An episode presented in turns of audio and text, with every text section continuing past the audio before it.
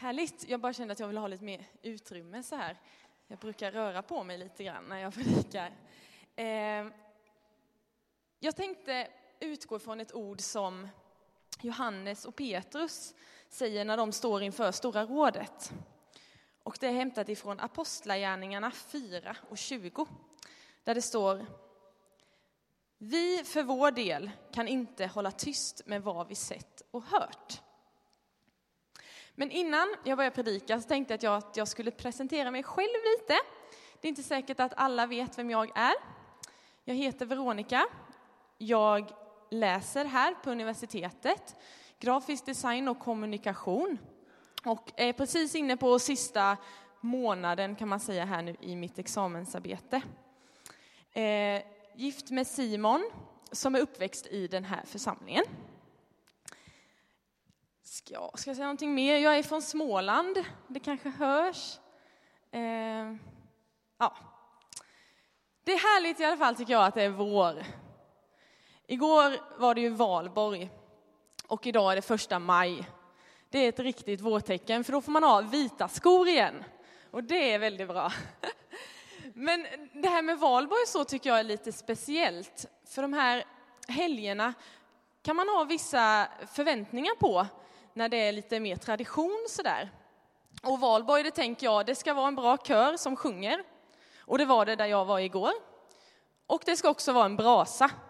Det var det inte riktigt där jag var igår. Det blev aldrig riktigt en brasa.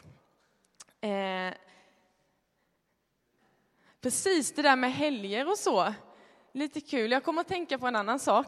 Eh, en nyårsafton för några år sedan så var jag och firade med några kompisar och där vid tolvslaget så kan man ju ha lite olika traditioner. Och då gick vi ut, det var massa snö och vi gick ganska långt bort ifrån det här huset där vi var. Och ni vet, det blir lite fyrverkerier, man kramar, säger gott nytt år efter att ha räknat ner till, ja vad räknar man ner till, noll eller? Eh, och så eh, slutade det med snökrig liksom snöbollar och, och ner med huvudena i snön och massa sånt där, helt crazy. Så kommer vi tillbaka till huset och min kompis säger, men hjälp, jag har tappat mitt örhänge. Och hon hade precis fått det här örhänget och det var liksom fint och det ena med det andra, så vi börjar leta igenom alla kläder. Och så säger hon till slut, kan vi inte gå ut och leta? ja, fast det är kanske är lite onödigt känns det som. Men vi gjorde det och sen så kom vi eh, i en lång, lång backe som vi hade gått ner för innan då, efter det här snökriget. Längst där nere hade vi haft det här snökriget. Så bara, ja, det är ju liksom ingen idé, ett litet örhänge, tänker man. Så kommer vi till ett ställe där en gatlykta är släckt och så säger hon, men kanske ska titta hur det skulle se ut. Så tar hon av sig det andra örhänget och släpper det sådär. Ja, det var ju smart. Nu tappar du bort det med. Så böjer hon sig ner, tar upp det och då ser vi alla samtidigt, vi var kanske fyra, fem personer, någon decimeter ifrån henne ligger det andra örhänget. Och det var det som blev den stora grejen sen, för jag tror inte att det var att hon kunde ha tappat det här från sina kläder eller från sitt hår, för vi hade ruskat allt när vi var inne. Utan jag tror att det var meningen att hon skulle släppa det andra örhänget där och det var det som fick bli den stora grejen den nyårsafton. Eh, det var häftigt. Men, ja, nu eh, ska vi se. Det var lite sidospår sådär. Ska vi be tillsammans? Tack Gud för den här fantastiska dagen. Tack för att det är vår och att vi alla kan få se hur du gång på gång kan göra saker och ting nytt igen. Att du ger liv, Gud. Att vi får se hur växterna och träden blir gröna och, och det blommar igen, Gud. Vi ber att vi ska ta tillvara på varje dag som vi har och ta tillvara på varandra. Och jag ber att du ska vara med i den här stunden också nu, Gud. Att vi ska få en härlig stund tillsammans där du får tala in i människors liv, Gud. Att det inte ska vara mina ord, utan att det är tankar som du har lagt på mitt hjärta. Amen. Okej, okay. vad skulle du säga att de tio budorden är? De som Mose tar emot alltså i Gamla Testamentet. Kanske att det är tio förhållningsregler. Kanske att det liksom är riktlinjer för oss som kristna. En, liksom en del av den utgångspunkten som vi som kristna ska ha för att leva våra liv. Jag kom över de här tio budorden i en lite ny tappning, nämligen tio barn som fick säga vad de trodde att de tio budorden var. Eh, Ja, det står massa namn och ålder och så här, men det är inte relevant riktigt för att det är ingen som känner de här barnen. De är mellan sex och åtta år. Nummer ett. Du skall icke stjäla från de fattiga om de ser det. Två. Du ska inte mata spädbarn med lök, för det har jag provat. Du ska bara slå någon om du absolut måste. Den här, nästa gillar jag, Oskar, sju år. Du ska inte baktvätta någon bakom deras ryggmärg. Ja, den får man tänka lite på. Du ska vara så snäll som du kan, annars kan du göra vad du vill. Du ska lyssna på din mamma, vad hon än säger och vilket tonfall hon än använder.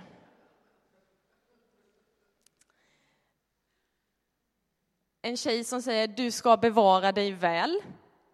Det är väl kanske det som är mest likt de vanliga här. Eh, Sebastian, sex år. Om någon slår dig ska du bara vända den döva kinden till. Robin, sex år, min favorit. Du ska älska Gud hur mycket som helst, fast det är svårt och han inte visar sig, trots att man ropar kom fram. Och till sist tio. Du ska inte begära saker av din hustru. Och så sjunger man på mors dag, annars blir det ett väldans liv. Jag tror det är bra med regler och ordning. För att om det inte finns några regler överhuvudtaget så blir det kaos.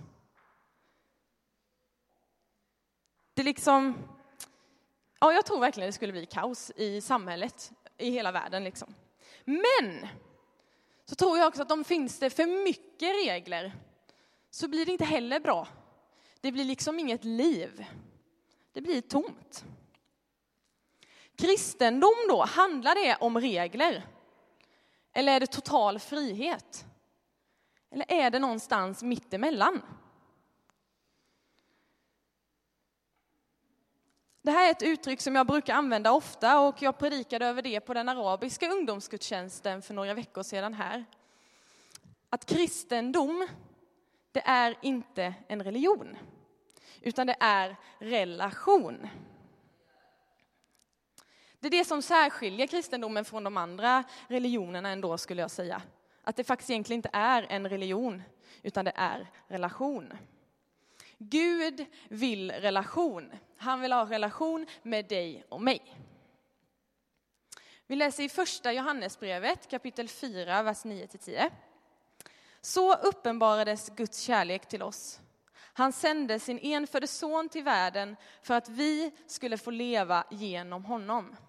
Kärleken består inte i att vi har älskat Gud, utan att han har älskat oss och sänt sin son till försoning för våra synder. Alltså vi behöver inte förtjäna Guds kärlek eller anpassa oss. I Romarbrevet, men Gud bevisar sin kärlek till oss genom att Kristus dog i vårt ställe medan vi ännu var syndare. Gud gjorde allt för oss. Och jag tror inte, eller det var inte för att vi människor hade varit så här exemplariska.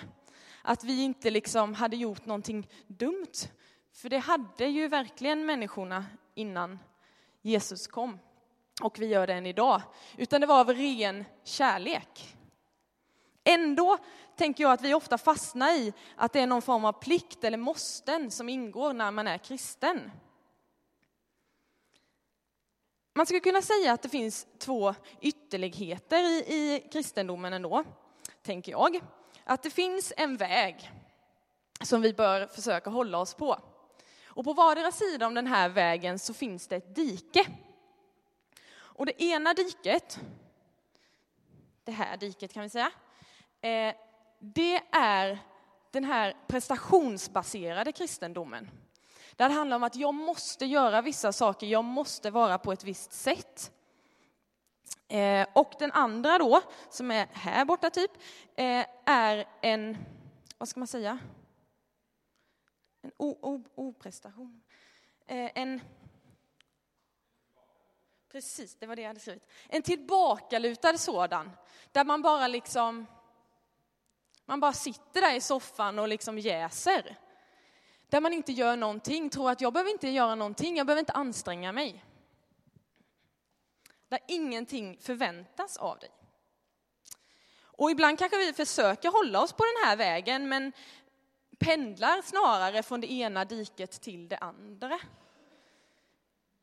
Men vi behöver inte förtjäna Guds favör. Men jag tror heller inte då att man kan bara dra ur kontakten och vänta på att någonting ska hända, att du ska få vara med om någonting fantastiskt. Om du bara lutar dig tillbaka.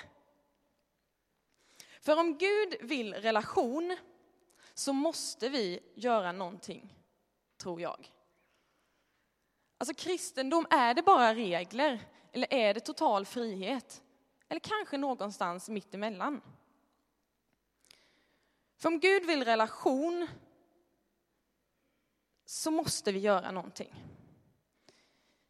En relation behöver vårdas. Oavsett om det är med din man eller fru eller din mamma, pappa, kompis, barn, kollega. En relation behöver vårdas. Man behöver ta hand om den. Och för att en relation ska vara en bra relation så tror jag att man måste arbeta på den, man måste upprätthålla den och man måste fördjupa den. Men att den viljan måste finnas från båda sidor. Det hjälper inte hur mycket jag vill vara kompis med Johan, att vi får en bra kompisrelation, om inte Johan ens liksom aldrig svarar på mina sms eller kommer och fika fast jag har bjudit han 40 gånger senaste månaden. Liksom. Det hjälper inte, utan man måste vara två. Men i Romarbrevet kapitel 3 och 28 så står det ändå så här. Ty vi menar att människan blir rättfärdig på grund av tro, oberoende av laggärningar. Och ja, det stämmer då. Det finns inte massa vi måste göra kanske. Vi det är inte det liksom att vi ska göra saker för att förtjäna Guds kärlek. För han älskar dig oavsett. Men jag tror att när du har tagit emot den kärleken, när du har upplevt den och när du lever i den, så måste den få konsekvenser i ditt liv. Den måste få uttryckas. Ty av nåden är ni frälsta genom tron, inte av er själva.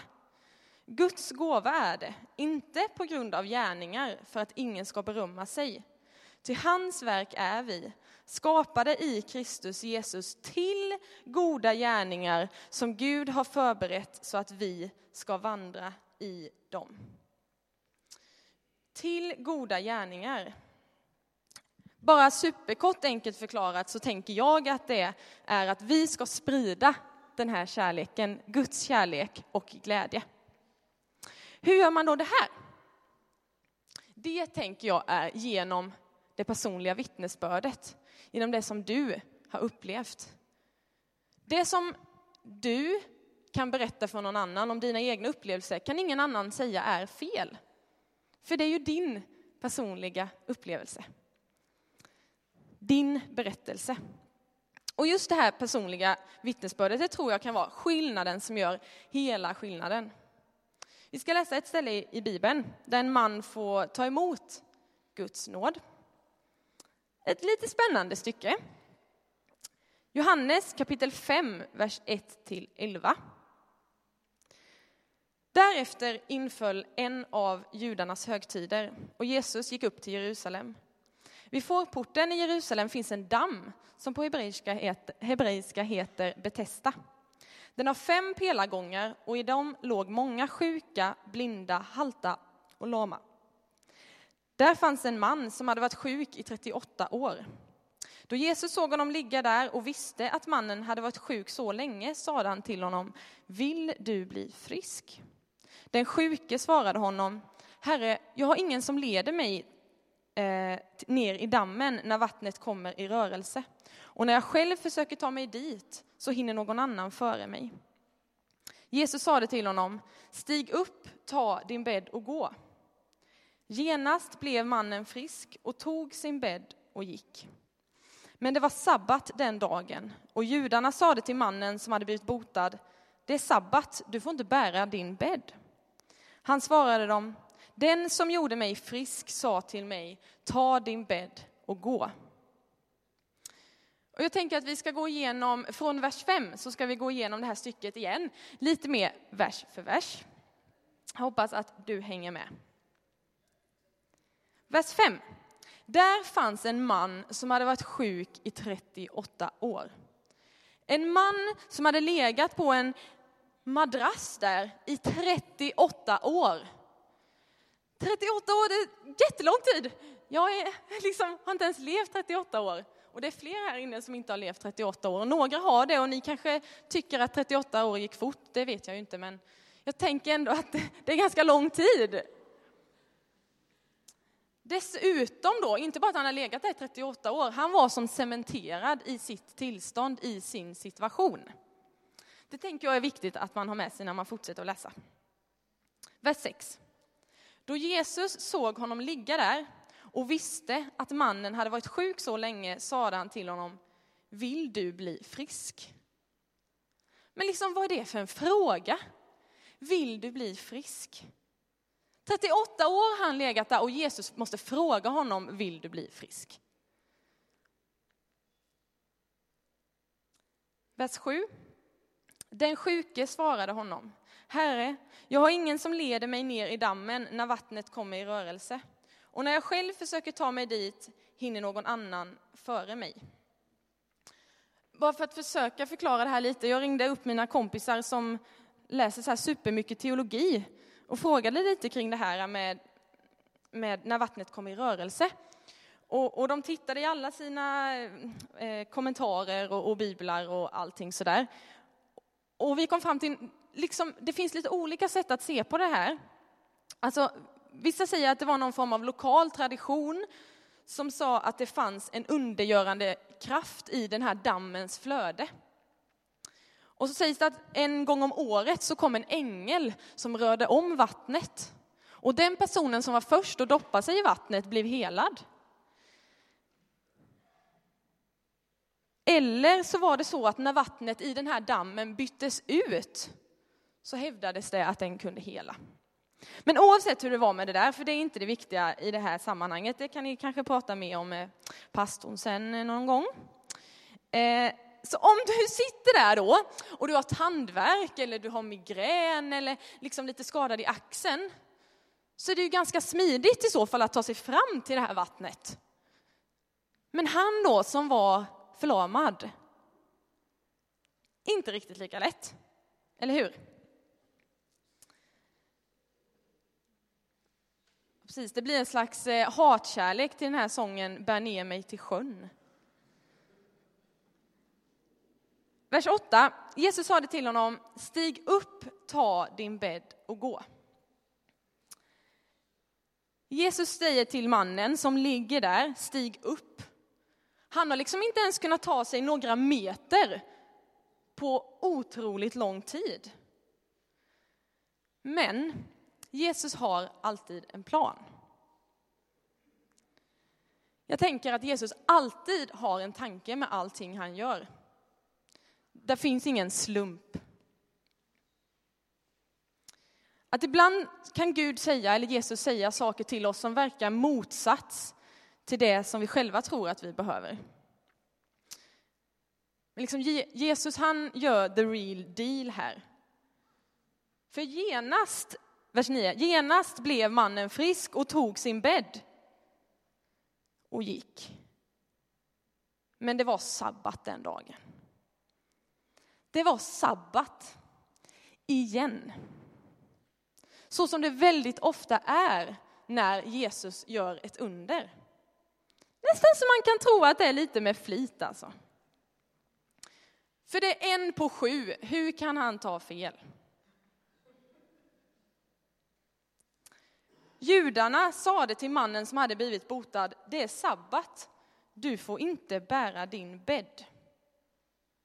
Och nu kommer vi till det här hur dumt det egentligen är med religion då. Det är nästan lite korkat.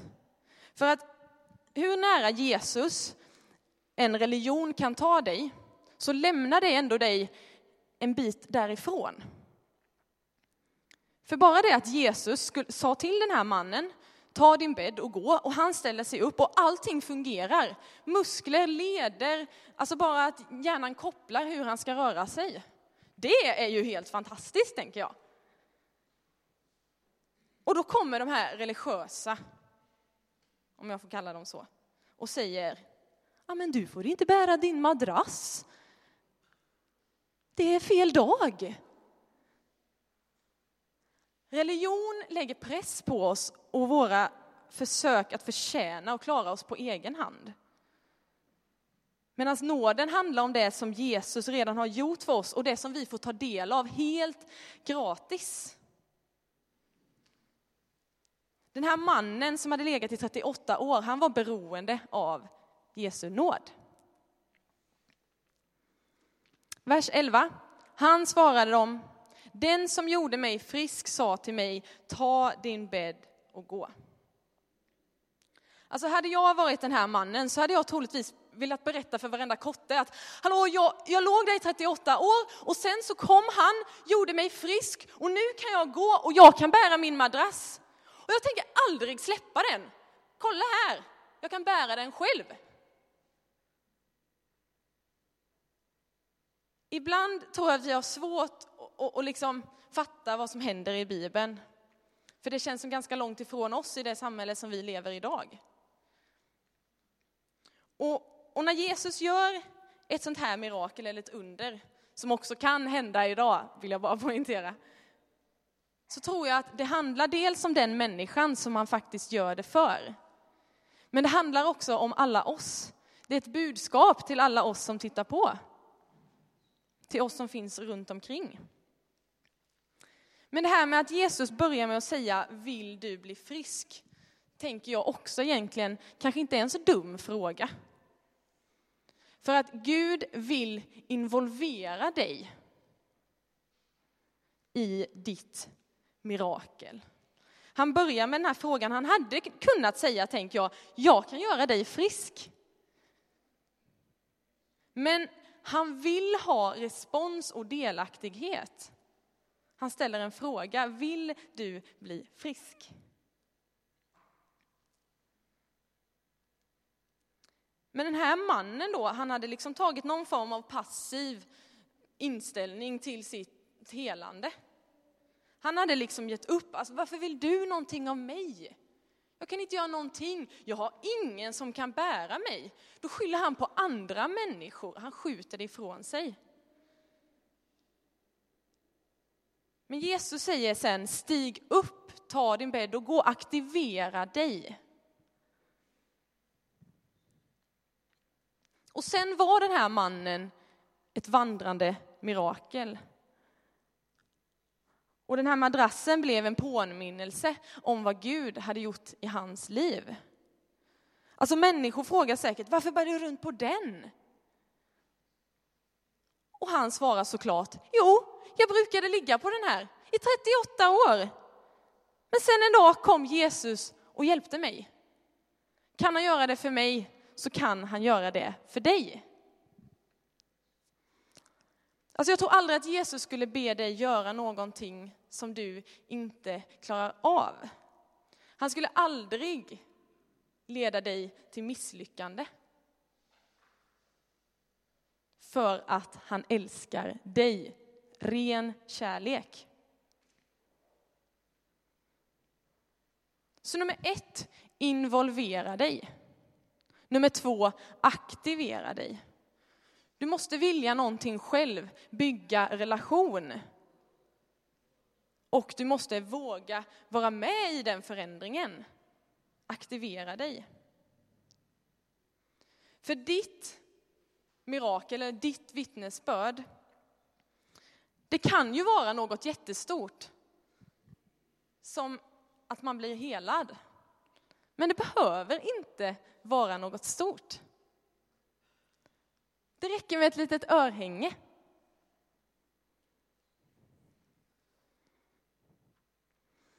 Det här med att följa Jesus är ändå superkomplicerat och superenkelt. Jag tänker att liksom det kan vara komplicerat att förhålla oss till omvärlden när vi väntar på vårt mirakel.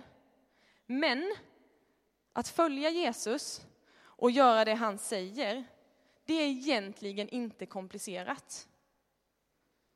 Att möta människor i sin omgivning som klagar på att Jesus gjorde någonting på fel dag. Du får inte bära din madrass. Det är egentligen komplicerat. Men att ta sin bädd och gå är inte komplicerat om Jesus säger det. Förstår ni vad jag menar? Det blev lite snurrigt. Men att ta ditt vittnesbörd, det som du har varit med om, det som ingen annan kan ta ifrån dig, det som är bara din historia, och dela det med någon annan. Det är inte komplicerat om Jesus manar dig och uppmuntrar dig till att göra det. Du ska älska Gud hur mycket som helst, fast det är svårt och han inte visar sig, trots att man ropar Kom fram!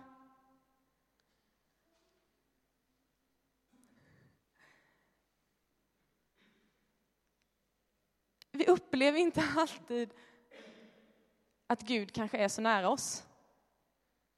Men för varje gång jag vänder mig mot Gud och säger jag vill involvera mig, jag vill aktivera mig och jag tar ett steg närmare Gud så blir det ju per automatik att han också kommer närmare mig.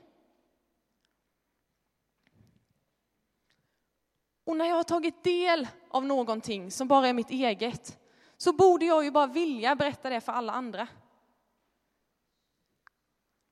Och det är då vi återkommer till det första bibelordet när Petrus och Johannes säger att vi för vår del kan inte hålla tyst med vad vi sett och hört. Amen. Tack Jesus för det du har gjort för oss. Tack Gud att du sände din son hit till jorden att dö för oss och uppstå igen för att ge oss evigt liv och att det var av ren kärlek. Hjälp oss att förstå det, hjälp oss att ta emot den och hjälp oss att också kunna ge den vidare till andra människor. Och jag ber att vi ska förstå att det som vi har varit med om, det är värt att berätta. Att vi ska förstå att vi bär på någonting som är så mycket större än oss själva. Att vi ska våga dela vårt personliga vittnesbörd oavsett om vi själva känner att det här kanske inte är en så stor grej. Du älskar oss alla lika mycket och du vill vårt väl, Gud. Så jag ber att du ska ge oss mod i de situationerna som vi behöver det för att våga berätta om dig, Gud.